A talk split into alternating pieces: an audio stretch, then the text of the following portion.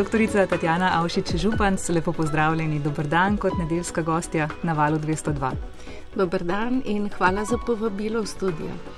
Torej, na Inštitutu za mikrobiologijo in imunologijo v Ljubljani vodite laboratorij za diagnostiko zoonos in pa prav tako laboratorij Svetovne zdravstvene organizacije.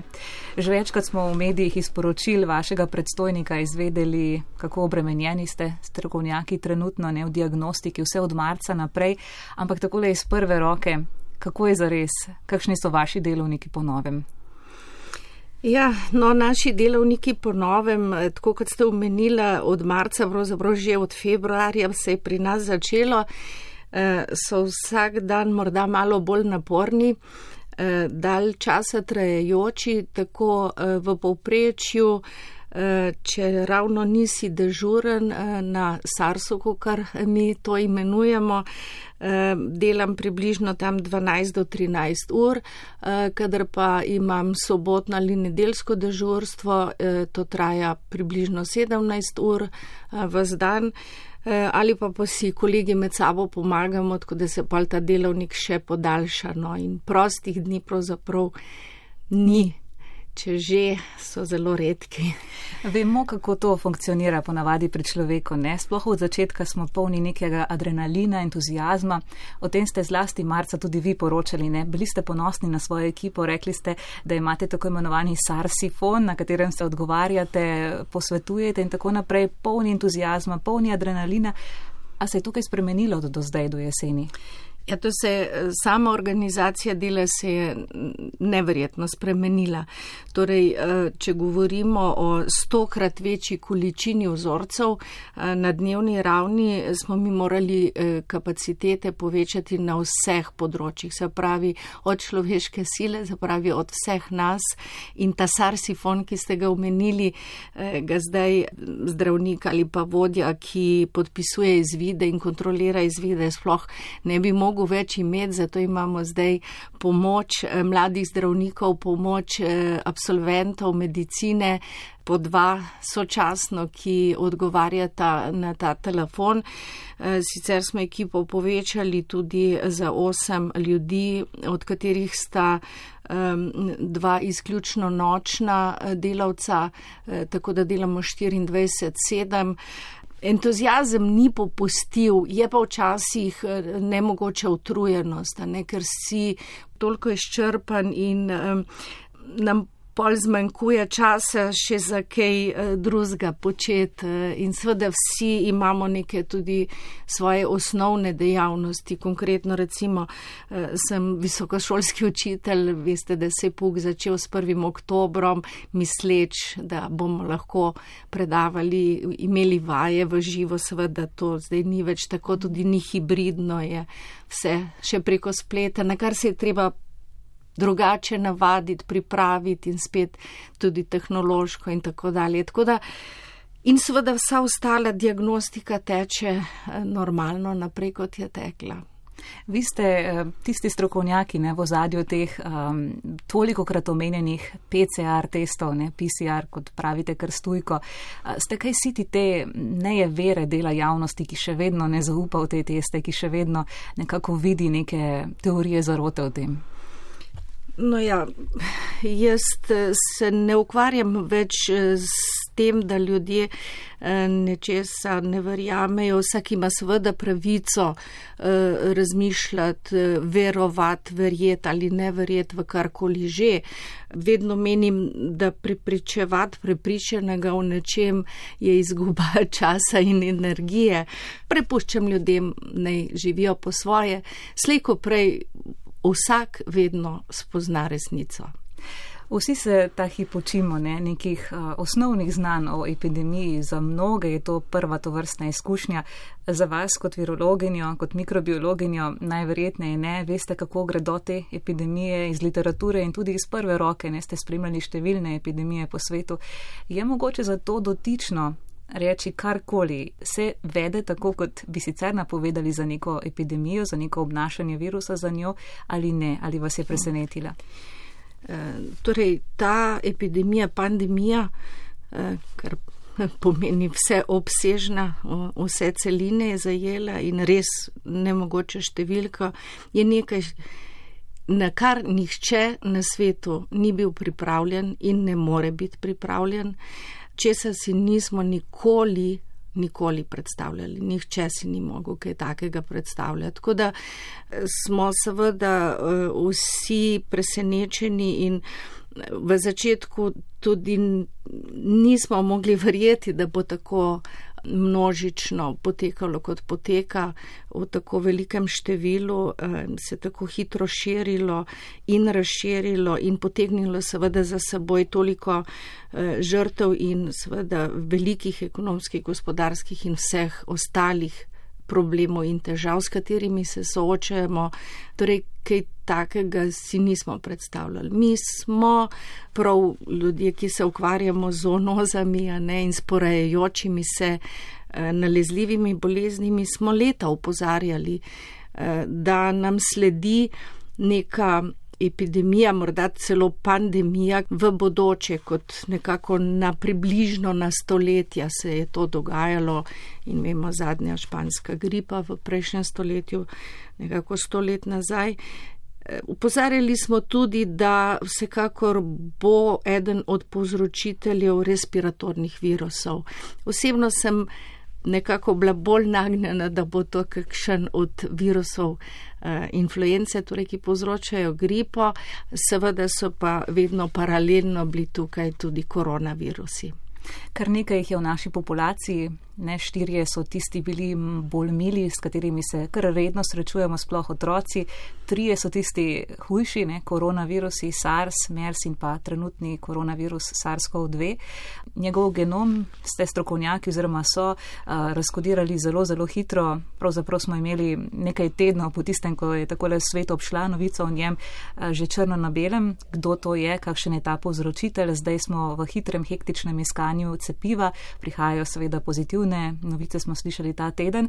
Kaj pa je novega o samem koronavirusu, recimo v tem času, da res lahko rečete, to, pa, to je pa zdaj nekaj novega, neka nova novica, se kaj spreminja, kaj več veste o njem?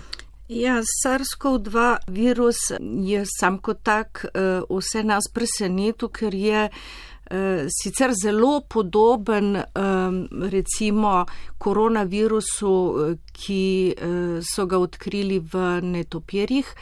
Uh, kot vemo, večina ali pa skoraj vsi koronavirusi pri prvotno izhajajo iz svojega praprednika, to so netopirji, različne vrste netopirjev vendar dejansko funkcije določenih delov genoma, ki se razlikujejo od teh njegovih najbližjih, da tako rečem, eh, inačic, se pravi tistega SARS eh, virusa, ki so ga najdli v netopirju in pa SARS-CoV-1 so se pokazali šele čez časa. Ne? No in eh, določena mesta SARS-CoV-2 virusa so zelo, zelo edinstvena in specifična ravno to mesto na bodici S, eh, receptorsko vezavno mesto. In potem je še eno tako imenovano polibazično mesto, ki dovoljuje furinsko cepitev, ki ki ga imajo tudi drugi virusi. In sicer recimo eh, virus HIV-a, virus ebole in veliko virusov, ki povzročajo hemoragične mrzice, kar omogoča recimo virusom še lažje in še močnejši in hitrejši vstop v gostiteljsko celico in s tem njegovo potem življenje v celici in namnoževanje. Torej je spreten zavojevalec na nek način. Zelo spreten. Pa drži, da je ta virus zdaj postal manj smrtonosen in bolj nekako uh, nalezljiv oziroma hitreje uh, nas okuži in veliko več? Glede, virus se je in virusi vsi po vrsti, predvsem pa virusi, ki imajo eh, v svojem genomu molekulo RNA, eh, so podvrženi stalnim uh, mutacijam. Ne? Že če pogledava, da pride v recimo en virusni delec v eno celico, imava po času uh, njegovega življenskega kroga, življenskega cikla, potem na sto tisoče njegovih potomcev, ki pridajo ven iz te okužene celice, med katerimi pa je približno 8 do 10 odstotkov takih, ki so popolnoma enaki tistemu enemu samemu virusnemu delcu, ki je v celico prišel. Vsi ostali so spremenjeni, nepopolni, v smislu, da niso več sposobni okuževati celice naprej in tako dalje. Se pravi, že v samem enem tem njegovem replikativnem ciklu, ki traja nekaj ur, ne, se zgodi veliko sprememb.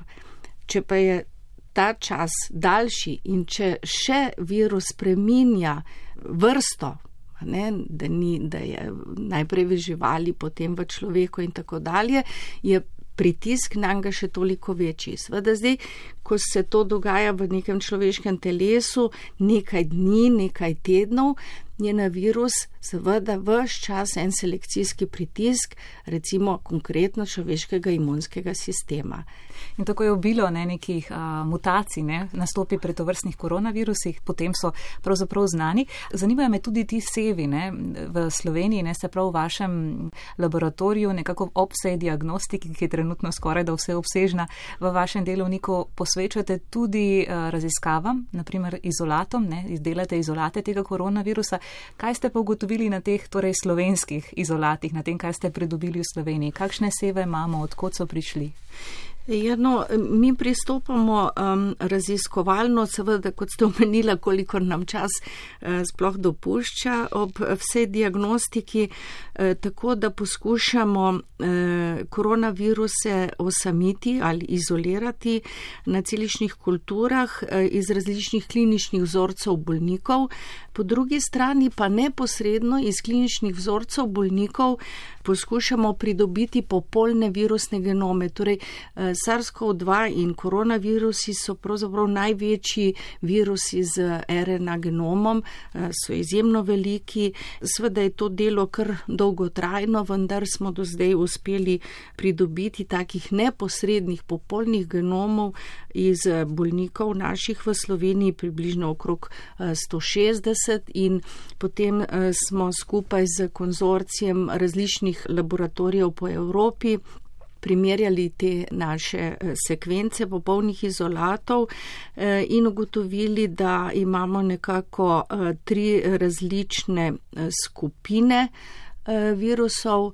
Kljub temu pa smo iz tega lahko ugotovili, Približno kako je virus prišel, prišel je sveda iz Azije v Evropo in kako se je potem širil, se pravi v času in prostoru te popolne genome še dodatno zdaj analiziramo, eh, delo ne gre tako hitro, nimamo tudi veliko časa eh, za te analize, ker so pa eh, seveda zelo natančne.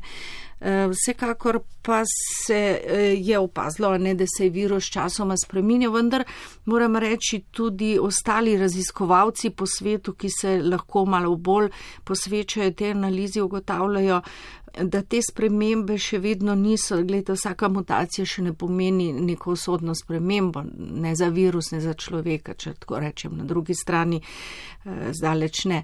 Ampak eh, seveda nekatere, ki pa se dal časa nalagajo, pa lahko pomenijo neko spremembo in ena taka sprememba se je zgodila ravno na delu virusa, kot sem že prej omenila, bodice S, v eni sami aminokislini, ki nekako dovoljuje mnogo večjo, če lahko rečem, invazivnost. Se pravi, virus uh, se mnogo lažje razmnožuje, hkrati pa so raziskovalci, seveda, ki imajo zopet za to možnost, čas in tako dalje, ugotovili, eh, da pa posledično ne povzroča recimo ta genetska različica, se jo tako imenujem, neko težjo klinično sliko bolezni. Torej, virus se nam vse bolj kaže kot odprta knjiga. Uh, in kot ste pravkar povedali in potrdili, gre za azijskega prišleka, ne glede na vse ostale. Ki je prišel seveda po neki naravni poti iz človeka na človeka in na človeka vse do Slovenije. Zdaj, eh, profesorica Tatjana Avšič Županc vas pot kot raziskovalko, prav tako kot viruse vodi širom po svetu. Ne? Tako rekoč ste obiskali že skoraj da vse kontinente na vaši strokovni poti ob preučevanju virusov, kam se vas je virološka stroka eh, že peljala? Bom morda naj prej začela tako, da bom povedala, da nisem bila še na japonskem. Sicer pa pravzaprav na uh, vseh uh, kontinentih. Ja, v Aziji sem bila večkrat uh, zaradi tega, ker se ukvarjam z hantavirusi, ki so tudi doma, no so po vsem svetu, ampak nekako odkrili so jih tam uh, v Koreji na Kitajskem, Singapur, Jugovzhodna Azija, Avstralija, Nova Zelandija, Južna Amerika, Severna Amerika in pa seveda Afrika, ki je ena mojih ljubših celin, bom tako rekla. Vas je peljalo tudi na vrh Kilimanjara, ne? Tako, tako, to je bila moja davna želja, ker sem se vozila z letalom eh, čez Afriko Eh, in eh, sem včasih potem komaj čakala, da se bomo upeljali nad Kilimanžarom, ga tako spoštljivo gledala skozi okno in si vedno želela ga obiskati. No in to mi je nekako tudi pred eh, natanko devetimi leti, novembra je bilo, ja, leta 2011 tudi uspelo priti na vrh v Huropika, in od tedaj vam ta podvig na nek način služi tudi kot tolažba, ne v težkih trenutkih, če ste zmogli tisto, zmorete eh, pravzaprav vse ja. ostalo. Ne? Ja, nekako res. Veliko se spomnim na to, da sem. Um, takrat um, ni bilo lepo vreme, imeli smo vse čas dež, kar sem potem pravzaprav ugotovila nazaj gledajoč, da morda niti ni bilo tako slabo, tudi tisto spanje v mokrih šotorih. Um, potem tisti hudi mraz, ko se dviguješ zadnjih 800 metrov, 1000 metrov in seveda nekako je to opis mene, ne? Če si zastavim cilj, ne, za katerega se nekako pripravim, ga želim doseči in potem sem uh, izjemno ustrajna. Razlog, zakaj sem vas uh, peljala po svetu, je tudi v tem, da virologi na tovrstnih srečanjih ne, nimate samo nekih strokovnih posvetov, ne, ampak vse skupaj se stoji tudi iz tistega drugega, bolj neformalnega dela in tale vaša prva glasbena želja danes je povezana z enim od tovrstnih viroloških um, srečanj nekje v Aziji. Tako je pred leti, mislim, da bo tega zdaj že kar ene 15 ali 16 let, nekako tako, če se pravilno spominjam, smo imeli mednarodno konferenco o hemoragičnih mrzlicah in o virusih, ki povzročajo te mrzlice v Alejnu, Alejnija je ena oaza v Združenih arabskih emiratih, eh, kjer je tudi najstarejša univerza na arabskem polotoku. No in ta nas je gostila na konferenci in potem, eh, ko smo se vračali iz te oaze, sveda smo mogli pripeljati se v Dubaj, kjer smo še kot zadnjo noč nekako prespali, da bomo naslednji dan odleteli vsak proti svojemu domu in se nekako dogovorili, da gremo še na eno večerjo skupaj, malo poklepetamo, sproščeno, ker smo si že vse povedali svoje stvari, na kar v taksiju, ki nas ne bi peljal na večerjo, zvemo, da je v tisti večer eh, v Dobaju koncert Marka Knoflerja, eh, kitarista Dire Strejca in seveda smo vsi poskočili, joj. A nas lahko peljete, mogoče? Veste, kje je ta koncert, lahko nas peljete na ta koncert, pravi, ja vem, kje je, lahko vas peljem, ampak ne vem, če boste dobili še karte. No? In ko smo prišli tja, je bilo seveda razprodan koncert, ampak ker so potem opazili, da smo eni tujci, um, so rekli, no morda pa bi za enih 100 ameriških dolarjev vam lahko še priskrbeli take posebne VIP vstopnice. No? In koncert je bil čudovit in zdelo se mi je tako super, da se veliko krat spomnim na to.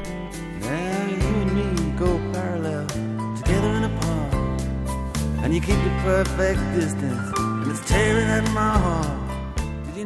Tole je oddaja nedeljski gost na valu 202. Eh, današnja nedeljska gostja je doktorica Tatjana Avšič Županc, birologinja z obilo eh, različnimi dosežki, ki se jih dotaknemo v nadaljevanju. Že veliko smo povedali o novem koronavirusu v prvem delu pogovora, morda pa zdaj se skupaj umestiva vendarle malce širše. Zdaj, trenutno smo mi njegov glavni gostitelj, ampak že lep čas prihajajo tudi poročila, naprimer o prenosu na živali. Trenutno se je veliko govorilo o minkih, na Danskem, pa v velikih količinah virusa, naprimer v kanalizaciji. Zdaj, kakšno je torej tisto drugo življenje virusa v okolju izven človeka? No, vedeti moramo, da so koronavirusi zoonotični virusi, se pravi, prihajajo iz svojih praprednikov, ki so vedno bili za do zdaj znanih koronavirusov, ki so postali potem tudi humani, se pravi človeški koronavirusi, eh, netopirji. Zdaj vmes eh, je lahko eh, bila tudi neka umestna živalska vrsta, potem pa je virus recimo nekako priskočil na ljudi.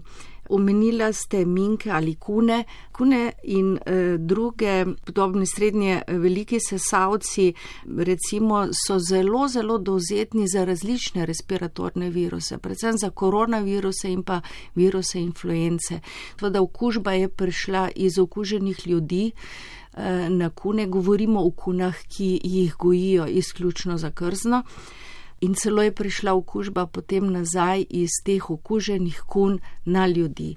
Govorimo o neki antropozoonozi, se pravi, ko virus preide iz človeka na žival, a neobičajno virus povzroči ali pa tudi drugi mikroorganizmi, ki so zoonotični, povzročijo okužbo človeka, tako da pride patogeni mikroorganizem iz eh, bodi si eh, bolne živali ali pa samo živali, ki je okužena, ni bolna, je pa naravni gostitelj. Tukaj je več teh uh, terminusov. Kakšna pa je klinična slika pri teh drugih živali, naprimer pri sesalcih? Ali gredo skozi podobne, ne vem, odstotke težje obolevnosti? Ne zelo odvisna. Pri kunah so upisovali um, neke, uh, neke klinične znake, uh, torej smrkanja, prihladnih obolenj, uh, tudi pogina. No? Ampak ne ravno, ravno veliko, koliko sem za, uspela zaslediti to literaturo, predvsem eh, zadnji taki zbruh, mislim, da je zdaj upisovala Danska, ki, ima, ki mislim, da je tudi ena največjih gojiteljic eh, kun za krzno. Sicer pa so recimo zelo dovzetni tudi dihurji. Ne? za respiratorne viruse, torej viruse, influence, eh, koronaviruse izjemno in se dihuri uporabljajo tudi kot um, poskusne živali za uh, proučevanje patogeneze, uh, recimo prav virusov, influence in ostalih respiratornih virusov. Torej, da preverjajo na njih, kakšen je učinek, potek, recimo klinični potek bolezni, ne tako, na okuženih. Tako, tako vse to kaže, ne, v kakšnem na nek način sožitju ne, živimo ljudje z živalmi, da, da je vse pravzaprav povezano. Ne. Ravno virusi in to vrstna epidemija so nas znova naučili, da smo samo del naravnega okolja in da s tem, ko prodiramo dlje in globlje v naravne okolje, bliže nekim vrstam, s katerimi ne živimo sicer vsak dan, to pomeni, da na nek način provociramo naravo. In ravno to vrstna epidemija je lekcija iz tega. Zdaj, pred kratkom je ta svetovna platforma za biotsko raznovrstnost IPBS objavila res presenetljiv podatek, najverjetneje je vam znan in seveda že znan dolgo časa, ampak ga bom ponovila še enkrat za poslušalce, da ne bi v sesalcih in ptičih živelo 1,7 milijona vrst še neodkritih virusov, od tega naj bi jih imelo vsaj pol milijona kapaciteto, da preskoči na človeka in povzroča potencijalne zoonoze. Um, zdaj, prihodnje zoonoze so potem takem precej pričakovana stvar. Vsekakor zoonoze so tiste bolezni, katerih povzročitelji, ne že ime samo pove, zoon, žival, nosos, bolezen, preidejo iz, eh, tako kot sem prej omenila, ali iz bolne živali, ali pa iz živali, ki je naravni gostitelj nekega mikroorganizma na človeka. Zdaj, Tukaj lahko človek v določenem primeru zopet samo na ključni, predvsem pa končni gostitelj. Lahko pa se zgodi, tako kot je recimo konkretno virus HIV-a, potem ostane ta virus, ta mikroorganizem izključno v drugi živalski vrsti, konkretno v človeku. Vendar, dokler je zmožen se širiti tako enostavno, konkretno kot se zdaj SARS-CoV-2 med ljudmi, je pravzaprav gledano z vidika virusa njemu čisto dobro. On ima dobre pogoje, ima dobrega gostitelja in se enostavno lahko ohranja. Torej, tudi njegov moto je ohranjati svojo vrsto, tako kot vsem živalim in rastlinam, vsem živim stvarem na zemlji.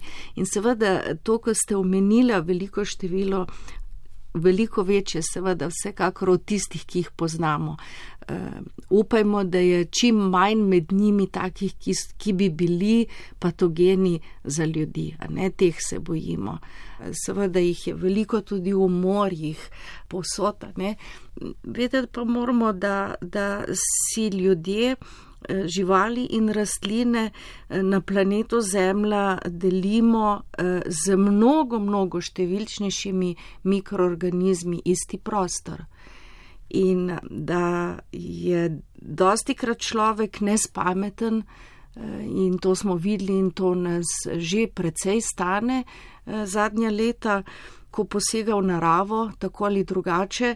In seveda tudi neposredno ali pa posredno v mikroorganizme, ki so del te narave, ki nam potem na nek način vračajo svoj udarec in tekmovati z mnogo številčnejšimi, predvsem pa mikroorganizmi v naravi in pa predvsem z njihovim kratkim generacijskim časom je človeku nemogoče. In je nespametno. Na nespametno, popolnoma nespametno. Lahko bi rekli, da za vsem početjem, kar se ga gre človek, eh, zlasti v 20. in 21. stoletju, ne, postavljamo to vrstnim uh, nevarnim virusom avtocesto do sebe, ne, prodiramo v naravno okolje, spreminjamo ravnovesje uh, iz te krasne piramide živalskega in rastlinskega sistema, jemljamo posamezne zidake ven, z vsem tem jim, jim skoraj da dajemo odprto vstopnico do sebe. Vsekakor, vsekakor. In če pogledamo večina izbruhov eh, porajajočih se eh,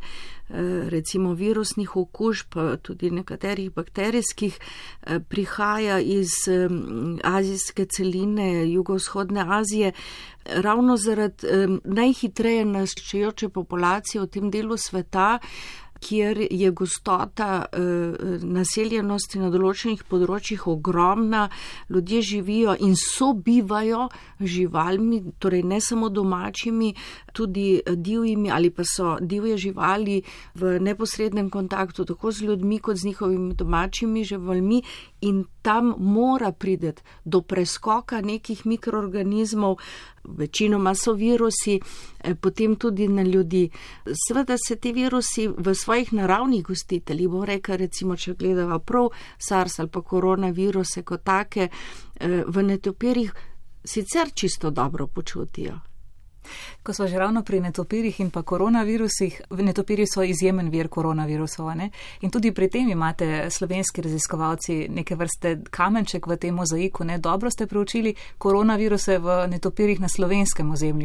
Tako, tako že pred leti, mislim, da je ravno deset let eh, pre, eh, preteklo, eh, ko so kolegi virologi z veterinarske fakultete in moj kolega iz našega inštituta, inštituta, dr. Štajer, skupaj z strokovnjakom za netopirje v Sloveniji proučevali netopirje.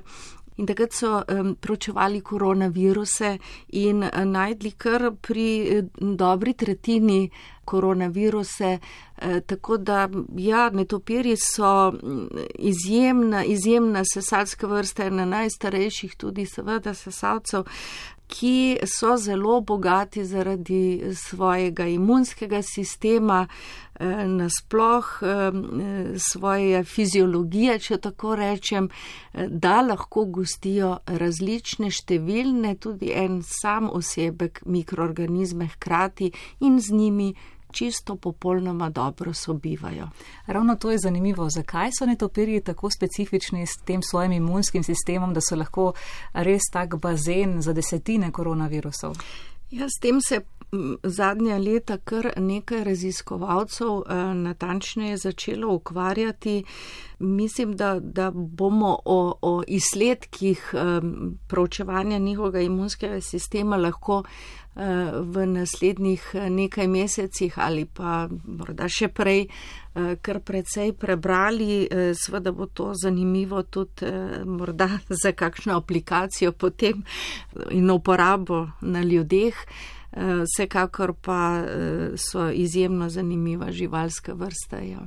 Eh, kot raziskovalka ste se tekom svojega življenja ukvarjali s precej nevarnimi virusi ne? in pogosto krat vas za razlago pokličemo, ne hanta virusi, danes ste jih že omenili, vse je jo veliko smrti, naprimer v Aziji, ebola, kot pravite, strokovnjaki, vi, čeprav so nas na radiju nekako učili, da moramo govoriti ebola, je um, prav tako eden izmed izjemno nevarnih virusov. Skratka, zelo, zelo, zelo majhno bitje, za katerega težko sploh rečemo, da je bitje, uh, vas privlači že več kot 40 letja. Ampak mene je vedno zanimalo, kaj to osebnostno pove o vas, recimo, da imate radi profesionalni stik z nekimi tako zelo majhnimi in obenem izjemno nevarnimi in nepredvidljivimi organizmi. Ne vem, kaj bi to osebnostno pomenilo, morda bi kakšen psiholog znal to bolje razložiti kot jaz sama. Mene osebno zanima vse, na kar nimamo še odgovorov. Se pravi, veliko teh nevarnih virusov povzroča zelo, zelo hude, seveda z visoko smrtnostjo bolezni. Zdaj, da sem se začela ukvarjati eh, z hantavirusi, je bilo pravzaprav popolno na ključje, ker me je v to nekako eh, pripeljal eh, moj mentor, profesor Likar, ki je bil en prvi virolog sploh v Sloveniji in je nekoč prišel iz sestanka, takrat je bila seveda še Jugoslavija, kjer so govorili o hemoragični mrzlici z renalnim sindromom in profesor je prišel iz tega sestanka direktno v laboratorij in je rekel, zdaj pa točno vem, s čem se boste vi ukvarjali. To boste, če imajo to na Hrvaškem, v Bosni in v Srbiji, moramo tudi mi imeti take bolnike. In potem sem bila prepuščena sama sebi, takrat ni bilo računalnikov, ni bilo interneta, hodili smo v knjižnico, pisali smo Eh, dopisnice avtorjem člankov, ki sem jih najdla v teh indeksih, Eh, da so nam potem poslali literaturo po pošti. Dobivala sem čudovite pisanske ovojnice s prekrasnimi znamkami iz Koreje, Japonske, Kitajske, tam je bilo takrat največ bolnikov. In tako sem začela seveda s temi raziskavami in ko sem začela, nisem mogla več nehati in to se je potem samo še nadaljevalo in vedno, ko smo se nekaj vprašali, eh, nekaj odkrili, so se nam odprla še dvojna, trojna vrata z novimi vprašanji, pod vprašanji in potem ne moreš nehati. Koliko vrst virusov hranite pri vas na inštitutu? Ogromno, ogromno, zelo veliko število. Je, smo tudi eh, zelo aktivni partnerji v enem eh, zelo dobrem evropskem eh, projektu, eh, ki se imenuje eh, European Virus Archive, se pravi arhiv Eh, Evropski arhiv virusov, to je edinstvena organizacija zdaj že 48 laboratorijev, eh, ne samo evropskih, smo se razširili tudi na ostale celine, eh, kjer vsak laboratorij mm, producira, pripravlja viruse, katere je samo samil ali jih dobil že leta nazaj iz neke druge zbirke in seveda nam potem eh, te viruse naročajo, se pravi, drugi laboratoriji, jim jih pripravimo eh, po posebnih postopkih in tako dalje. Tako da teh virusov imamo že kar nekaj, seveda v laboratoriju posebno varno shranjene.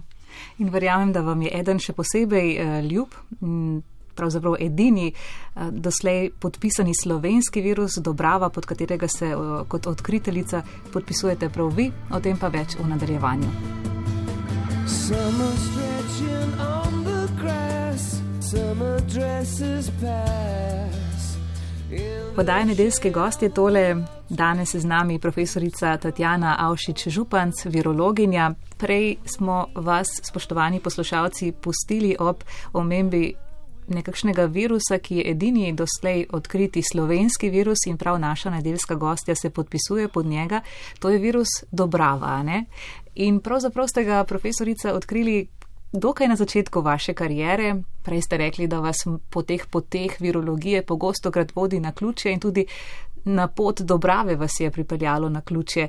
Sprva vas sploh niso imali resno ne, z tem velikanskim znanstvenim dosežkom. Ne. Kako je bilo pravzaprav na začetku, da ste dobili to prepoznanje, da imate nek svoj virus?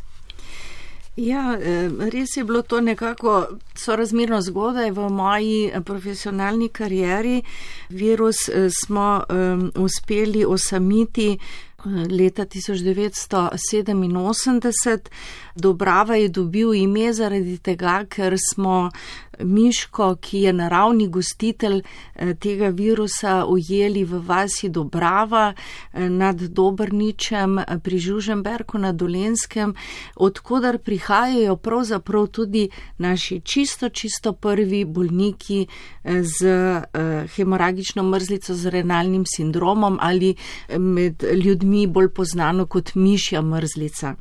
In ko smo začeli analizirati, seveda v teh davnih časih, toliko let nazaj, eh, smo z metodami, ki so bile takrat na razpolago, zelo hitro ugotovili, da eh, virus nekako razlikuje od dotedaj znanih eh, vseh hantavirusov, ki so bili se prav tisti prototip hantan iz Azije, pa virus Seul, ki ga nosijo sive in pa črne podgane.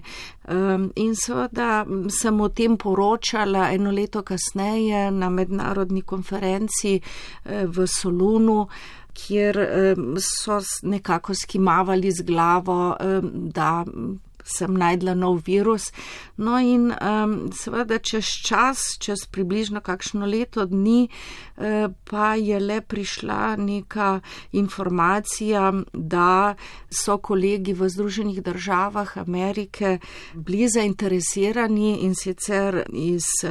Inštituta ameriške vojske USAMRID, kjer sem potem preživela tudi eh, svoje postdoktorsko eh, izobraževanje enoletno. No in se je zelo hitro potem pokazalo, da je virus res popolnoma drugačen od takrat znanih in potem seveda so mi priznali, da sem res odkrila popolnoma nov virus. In to je doslej še vedno Edini slovenski virus, ne? Ja, edini slovenski virus, ki je registriran kot virus v, virusnem, v virusnih katalogih in tako dalje, ga omenjajo seveda tudi vsi svetovni učbeniki infekcijskih bolezni, interne medicine in tako dalje, ker je tudi virus, ki povzroča težjo obliko mišje mrzlice z približno 10 do 12 odstotno smrtnostjo, kar seveda ni zanemrljivo. Absolutno ne. Odkritje virusa Dobrava je eden izmed vaših ključnih dosežkov karjernih. Obenem pa smo vas veliko omenjali v medijih in ste se pojavljali v medijih tudi leta 2016, ko nekako smo bili vsi uh, s pozornostjo usmerjeni takrat v Brazilijo, kjer je uh, pustošila Zika. In nekako se je govorilo, da utegne virus Zika povzročati uh, to deformacijo lobanja oziroma glave pri novorojenih otrocih. In prav vi, z vašo ekipo na čelu, torej slovensko znanje, je nekako potrdilo to domnevo. Vse skupaj se je odvilo izjemno, izjemno hitro. Od tega, da ste pravzaprav dobili to kožnino, ta vir, da ste ga potem izolirali, potrdili in vse skupaj dokazali in seveda skoraj da čez noč objavili ne, ob podpori recenzentov. Zdaj, ko gledate nazaj, um, kako recimo pospremite tisto obdobje, ne, kot absolutno nekaj edinstvenega, norega, kot srečo. Kako bi rekli, kako bi sami eh, pospremili to? Ja, pravzaprav vse to, kar ste omenila, je bilo. Prej smo govorili o adrenalinu, takrat je bil verjetno v daleč največji koncentraciji. Bilo je ključnega to, seveda, da smo v v danem trenutku imeli možnost takega vzorca, takega ploda. To je bila sreča, znanje, izkušnje, pa je bilo tisto, kar smo nabirali že leta prej. Bil je splet enih eh, zelo dobrih okoliščin, ki so se nekako poklopile v določenem trenutku in pa morda to, da sem jaz takrat nekako sledila res eh, nekajkrat dnevno, ali je kdo že to objavil ali ne. In eh, potem, ko sem rekla skupini, s katero smo delali, se pravi patologi, eh, ginekologi in mi, da to pa moramo nujno objaviti, ker do zdaj še nihče ni konkretno tega objavil nikjer. In ko so rekli, ja, kam pa bi poslali, sem takrat rekla New England to je taka stvar, da moramo objaviti v tej reviji. Če, če smo prvi in če smo edini, sem prepričana, da nam bojo takoj odgovorili in da bomo lahko objavili v taki reviji, ki je seveda v medicinski znanosti eh, številka ena najboljša revija na svetu. Imeli smo sedem recenzentov, česar nisem bila vajena nikoli prej in potem ne. Ki so se obrnili zelo hitro, ne? Zelo hitro. Na ponedeljek. Zelo, zelo hitro in uh, tudi uh, rekli so, da bojo dali po uh, hitrem postopku recenzirati to objavo. In pripombe, katere smo pričakovali od teh recenzentov, smo že kar delali vnaprej, torej šlo za izjemno srečen ne, razplet um, okoliščin. Zelo, ja. Eh, takrat, od takrat naprej je ta članek bil zelo, zelo močno citiran, ne, eh, ogromno citatov. Eh, je se je na njega naslonilo še kaj pomembnejšega, naprimer, da lahko rečete, zdaj pa na podlagi tega članka, recimo v znanosti, vemo tudi to, v to smer napredujejo znanstveniki na podlagi in na osnovi, na temeljih našega znanja.